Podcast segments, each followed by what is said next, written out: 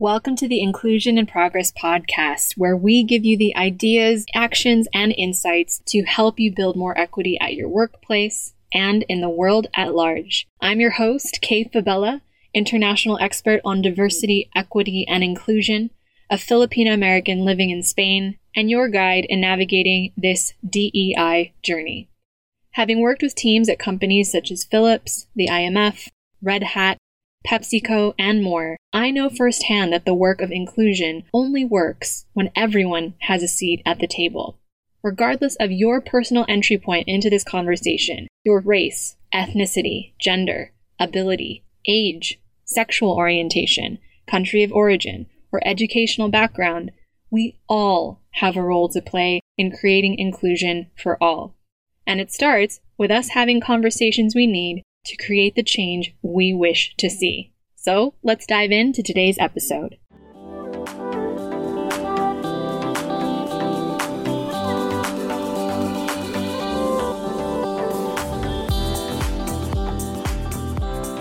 Hello there, and welcome back, my friend. So, May is now in full swing here at Team Kay, and we've got lots of exciting updates to share with you before we dive into today's episode. Now, we've just finalized delivery for a self care and community care workshop for one of our newest client partners, Instagram. It is one of our signature workshops, and I know I'm not supposed to play favorites here, but I will go out on a limb and say that this is currently my favorite workshop to deliver from our lineup. Now, it's geared towards helping empower employee resource group or ERG leaders, members, and other DEI advocates within companies. ERGs are business critical when it comes to equity and inclusion work. And as we learned with our guest Aisha in our last episode, they're critical to the success of an organization as a whole. By creating a safe space for other groups who currently feel underrepresented or excluded at work, ERGs often do the heavy lifting to provide a sense of belonging, psychological safety, and therefore an environment conducive to helping talent from marginalized groups to continue to perform effectively in their day jobs. Not only that, but ERGs are perfect incubators for the future leaders of your organization to develop critical skills for their on the job performance and future career trajectory.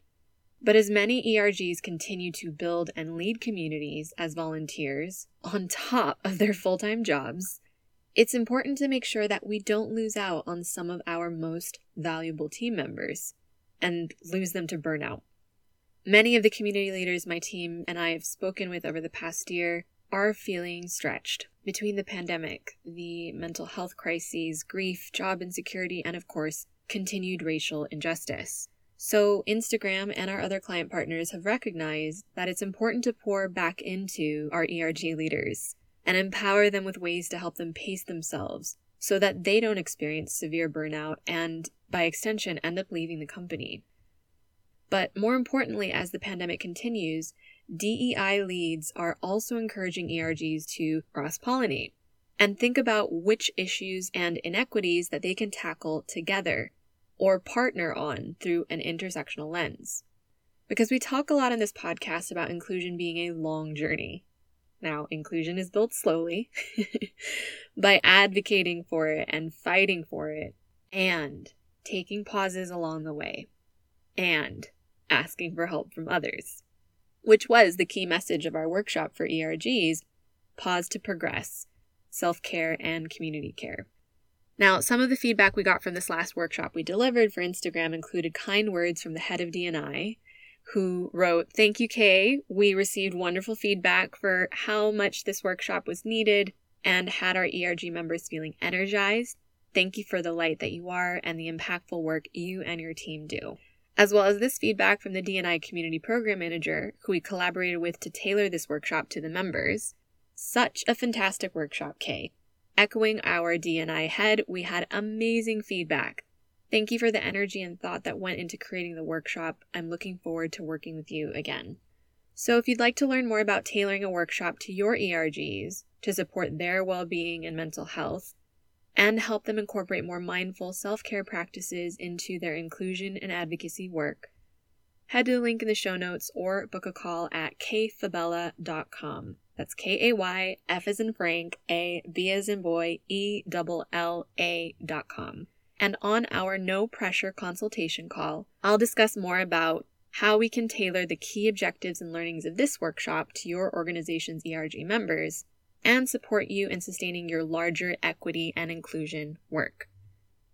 Now, back to the topic of today's episode why mental health and DEI go hand in hand especially for folks who stand to benefit from a more inclusive workplace and world. And for this to make sense, you need to know a bit more about my burnout story, which I don't think I've shared on the podcast before. I'm very public about it everywhere else, but I want to make sure that I share it here at some point. So now's as good a time as any. I'm going to be very mindful about how I share this experience with you today. So I will preface this with a trigger warning anyway if you'd like to skip ahead to later on in the episode by a few minutes. So here goes. On a sunny Saturday morning in 2009, from where I lived at the time on the east coast of my birth country, the United States, I reached for the phone to call my parents back in California, and I said this Mom, Dad, I've been crying for four hours straight. I can't stop it. I have no idea why I'm sad. What's wrong with me? I said that, but I really blubbered it on the phone. but it was the beginning of a year long battle with clinical depression. I was 22 years old. My entire trajectory up until that point had been defined by high achievement. On paper, I'd ticked all the boxes of what success was supposed to look like, but I'd never learned the importance of limits and boundaries, and had worked myself into the ground to the point where I could no longer trust my own mind. I'd overworked myself because I felt like I couldn't ask for help or show weakness in the workplace when everyone else seemed to be just as stressed as I was in the middle of a global financial crisis, which seems quite small now. the work culture was very much centered around what you could do and what you could produce, and everything was due yesterday. Not very much unlike our workplaces today.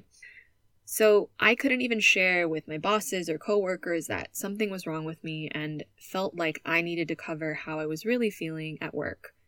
Because I was actually more afraid than anything of losing a secure job when so many people I knew were struggling to find one, and I just wanted to prove that I could continue to be there. I didn't feel like I was in a place where I could actually ask for more advantages as somebody who really was just getting her foot in the door and was an only in the workplace. I wish I could say that the day that I made that phone call to my parents was a turning point, but it was just the beginning. Once I burnt out, things actually got much worse for me before they got better. I took a temporary leave of absence to try and quote unquote rest it off, believing I could think my way out of my sadness, as I'd done countless times before. But for days on end, I couldn't move. I had no desire to leave my bed to eat or just engage with the world. Thoughts of joy and hope began to feel like very distant memories, and I found my thoughts turning dark. And in my altered state, I questioned whether or not my life even mattered or whether or not I still belonged on the planet. I was eventually hospitalized, placed on antidepressants, and began intensive therapy, all of which I had to hide from my former employer. It was clear that my health had taken a hit, and I had no choice but to quit my job. When I finally submitted my two weeks' notice, my boss neither acknowledged that I was leaving nor thanked me for the work that I'd done, because once I quit, in their eyes, I ceased to exist. I moved back home to California, and I tried to create a routine to help me recover. I leaned heavily on the support of my inner circle, and thankfully was in a privileged position to continue seeing a mental health professional and though I wasn't always successful at communicating what I needed as I got better, or even knowing how to ask for help, I had people to remind me who I was on the other side of my depression. It took me a year to trust my own mind again and feel like I was somewhat myself. And it's when I began questioning what led me to burnout in the first place that I realized that the pace of this hustle hard, all or nothing mentality that I'd had for so long was unsustainable. And that a lot of it was due to what I felt was expected of me that was reinforced not just in my workplace, but in society at large, of what was considered acceptable and not acceptable in your place of work. I realized that I needed to start building a stronger mental health toolkit to help me avoid slipping back into a depressive state in the future. And it's one of the reasons why I'm such a big mental health advocate today. But I also realized that one of the reasons I'd pushed myself as hard as I had in the first place was because of larger cultural messages that I'd received from both within and outside the workplace that I couldn't ask for help or say no when more tasks were added to my plate that led to me working after hours or on weekends because that's just how things are done here. And if I wasn't able to complete the tasks given to me, it was because I wasn't capable of handling it, and not because the workplace was unsustainable for everyone. Now, again, mind you, these are all messages that I will not say that I received from other people directly, but these were messages that fell in line with the culture that I felt like I had to prove myself to be in day after day at the time. Now, let me be clear compared to many other professionals I've worked with now through our DEI consultancy, my experience working for organizations as an employee has been a comparative walk in the park. No one was unkind to me. Outright microaggressions because of my age, race, or gender were relatively few and far between. But the fact that I still managed to push myself to burnout was a hard lesson to learn nonetheless which has given me deep insight into how employees from marginalized identities often feel like the power dynamics in a workplace make it harder for them to show up and share if they're struggling in the first place. Let's put it this way if you are un only in the room, and therefore constantly scanning for whether or not it's safe to share your ideas, share your grief if your community is suffering or your family suffering, or advocate for yourself when you're just struggling what effect would that have on your mental health over time? How much more mental energy would you have if you weren't armored up and scanning for threats every day? In 2019, studies showed that in the US, patients from communities of color, immigrant, and LGBTQ populations who actually sought mental health treatment and reported their identities are more likely to screen positive or at risk for alcohol or substance use disorders, anxiety, depression, eating disorders, and psychosis. And in 2014 in the UK, people who identified as white British were almost twice more likely than their BAME or Black Asian minority ethnic group counterparts to seek mental health treatment, despite the fact that studies showed that BAME populations are more than twice as likely to suffer from a mental disorder before they sought treatment with women from BAME groups being significantly more affected than men. This was the struggle for employees for marginalized communities before the pandemic. So you can only imagine how things look now, when many of these same employees are leading the ERGs I mentioned at the top of this episode, all while some of them are worried about relatives struggling to find oxygen masks back in India Others are worried about bills that are threatening to limit transgender rights on state house floors. Others are saddened by images of their elderly being threatened, shoved, spat on, or told to go back to China in the streets of the country that they've immigrated to. Or others watching yet another black body dehumanized by the people tasked with protecting them. The layers and intricacies of intersectionality or where the different levels of oppression actually compound on top of one another are all challenging on the best of days. But when everyone is also stretched thin by this pandemic that's upended any sense of normalcy, it's hard for my team and I not to worry about the people tasked with creating inclusion for others at work. To me, it drives home the urgency of getting more folks on board for the long haul with helping creating inclusion instead of leaving all that heavy lifting to the professionals who are fighting daily for a freer, fairer world for themselves and those that they love. So it was through this lens that we ended up creating our Pause to Progress workshop. And on today's episode, I'm going to take you behind the scenes, walk you through the process of how we worked with our client partner to tailor it to their ERG leaders and their team members.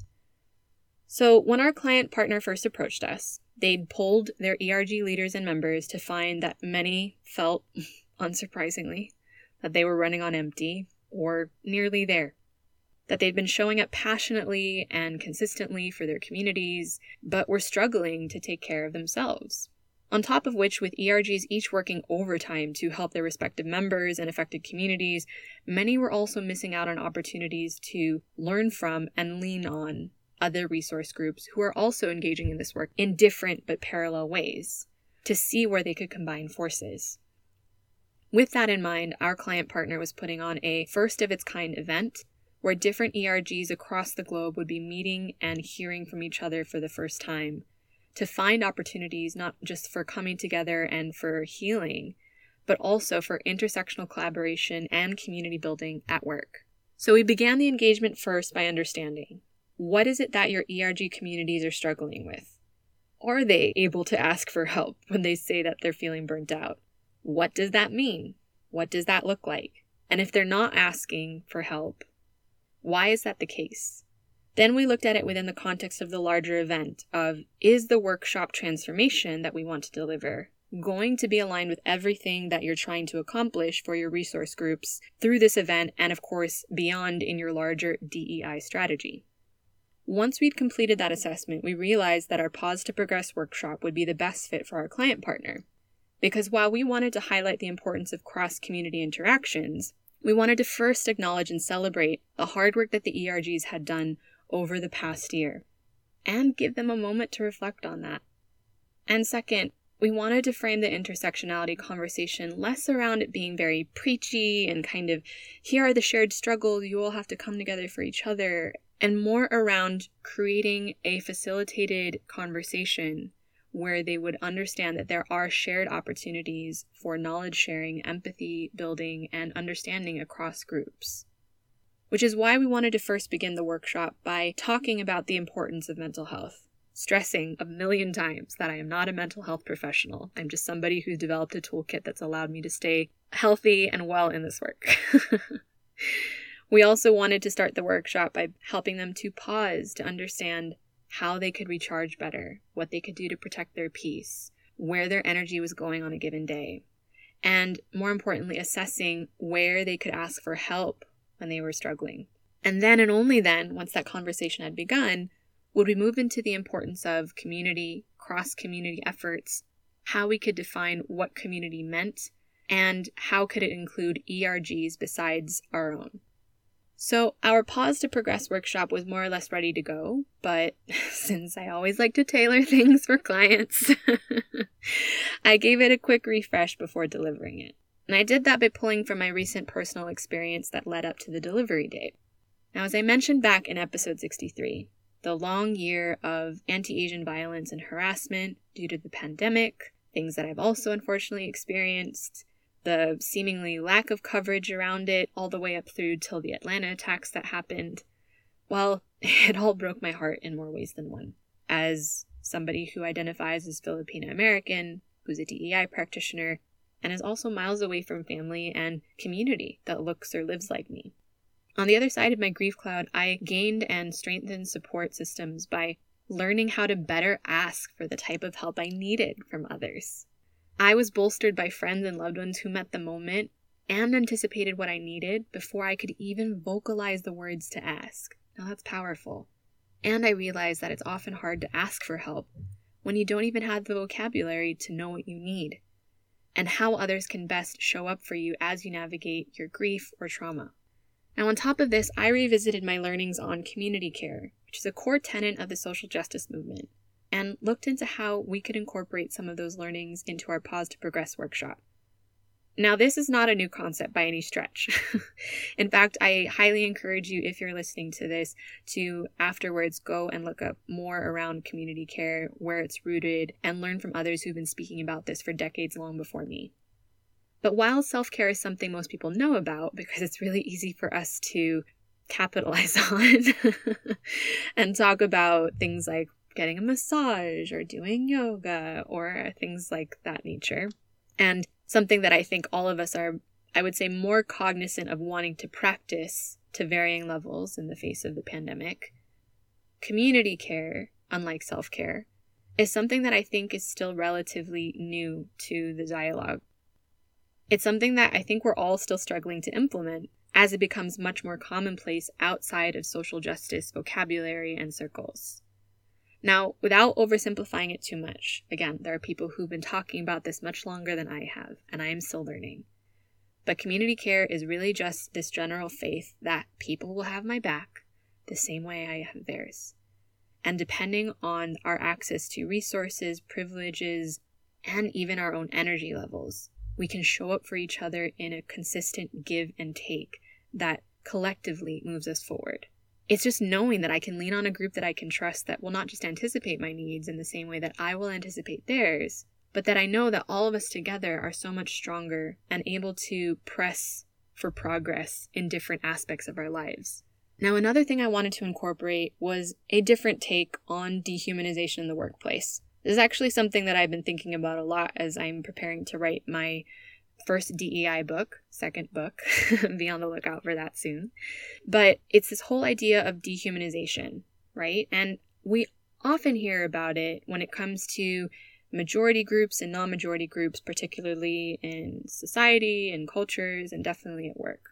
And that's, of course, very much a part of the equation. What we tend to forget about is the dehumanization of ourselves when we put ourselves, especially as equity and inclusion advocates and practitioners, on these pedestals, or when others put us there as well and expect us to act superhuman.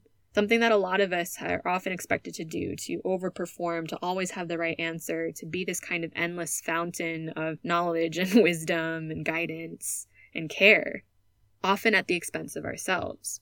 So we're leaving behind our very human needs so that we can be these like amped up super versions of ourselves, which over time slowly erodes at our own humanity.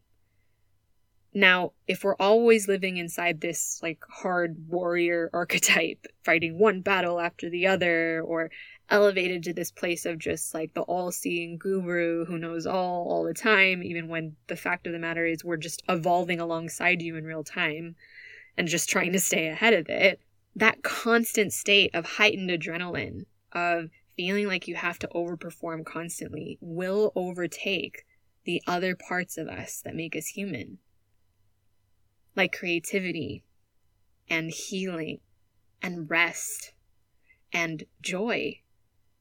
The great irony is that in trying to create a better workplace and world for others, the humanity that we need that we draw from to be able to empathize and build that better future is not going to actually be able to exist in that future that we're trying to create. In fact, that humanity that we need to thrive in that better future may be paying the price. Now, I know that a big part of the struggle that practitioners like myself, or DEI leads, EDI leads, uh, DEIA, DEIB leads, ERG leaders, RG leaders, BRG leaders, other inclusion advocates who are all doing this work. I know a big part of the struggle is our mistrust. A mistrust that things will still go forward when I take a pause to take care of my needs. Because we're worried that attention has an expiration date and that the window of opportunity is somehow closing. That if I take my foot off this gas pedal, that nobody else will be left around me to do the work. This is very real and urgent work that still needs to continue to be done around inclusion all the time.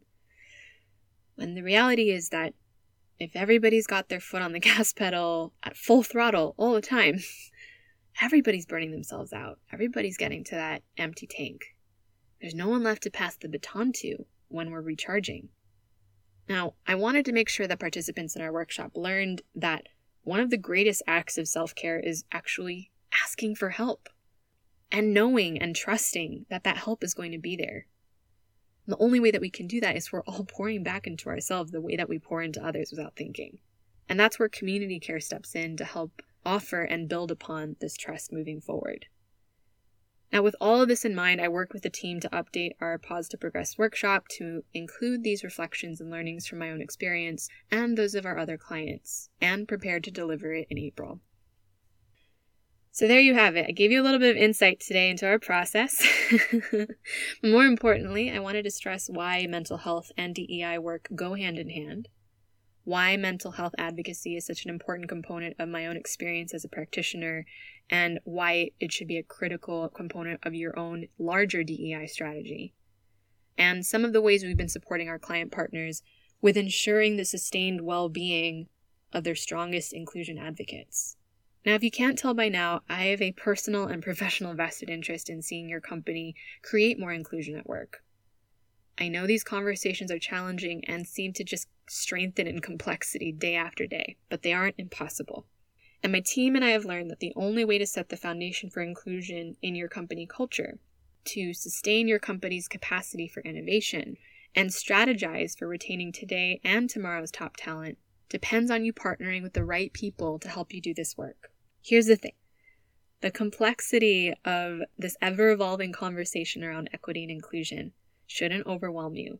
It should invigorate you, it should get you excited about future opportunities. And that's why my team and I are completely committed to helping you uncover your blind spots, to assess where you are, and strengthen your strategy by partnering with you to build inclusion for all. The reason we've come to really like working with only a handful of client partners at a time is because it allows us to adapt to your needs in real time much more flexibly. As you've heard in this episode, we like to assess and work around your stage on the DEI journey. So we're not moving too fast or too slow. Our engagements are designed and developed to meet you where you're at, to audit how inclusive your culture is, and lay the roadmap for recruiting and retaining the best at your organization for years to come. Now, we're currently working with global organizations like Instagram, Red Hat, Jamf, and more on intercultural, intersectional inclusion strategies that will help prepare your DEI initiatives and your company culture for the future of work. Setting that foundation for an inclusive work environment today will reap dividends for your company for decades to come. And one of the greatest assets you have at your disposal to build equity and inclusion at work are your ERGs. So, if you'd like to learn more about the workshop that we mentioned here, about how we can partner with you on equity and inclusion to strengthen the work of your ERGs and your DEI leaders, head to the link in the show notes or go to kayfabella.com forward slash DEI call to book a no pressure consultation call with us. We'd love to share how we can partner with you before 2021 ends or outline a strategy that helps you start 2022 off on the right foot. So we hope, as always, that you enjoyed this episode. Thank you so much again for listening, and we'll see you next time on Inclusion in Progress.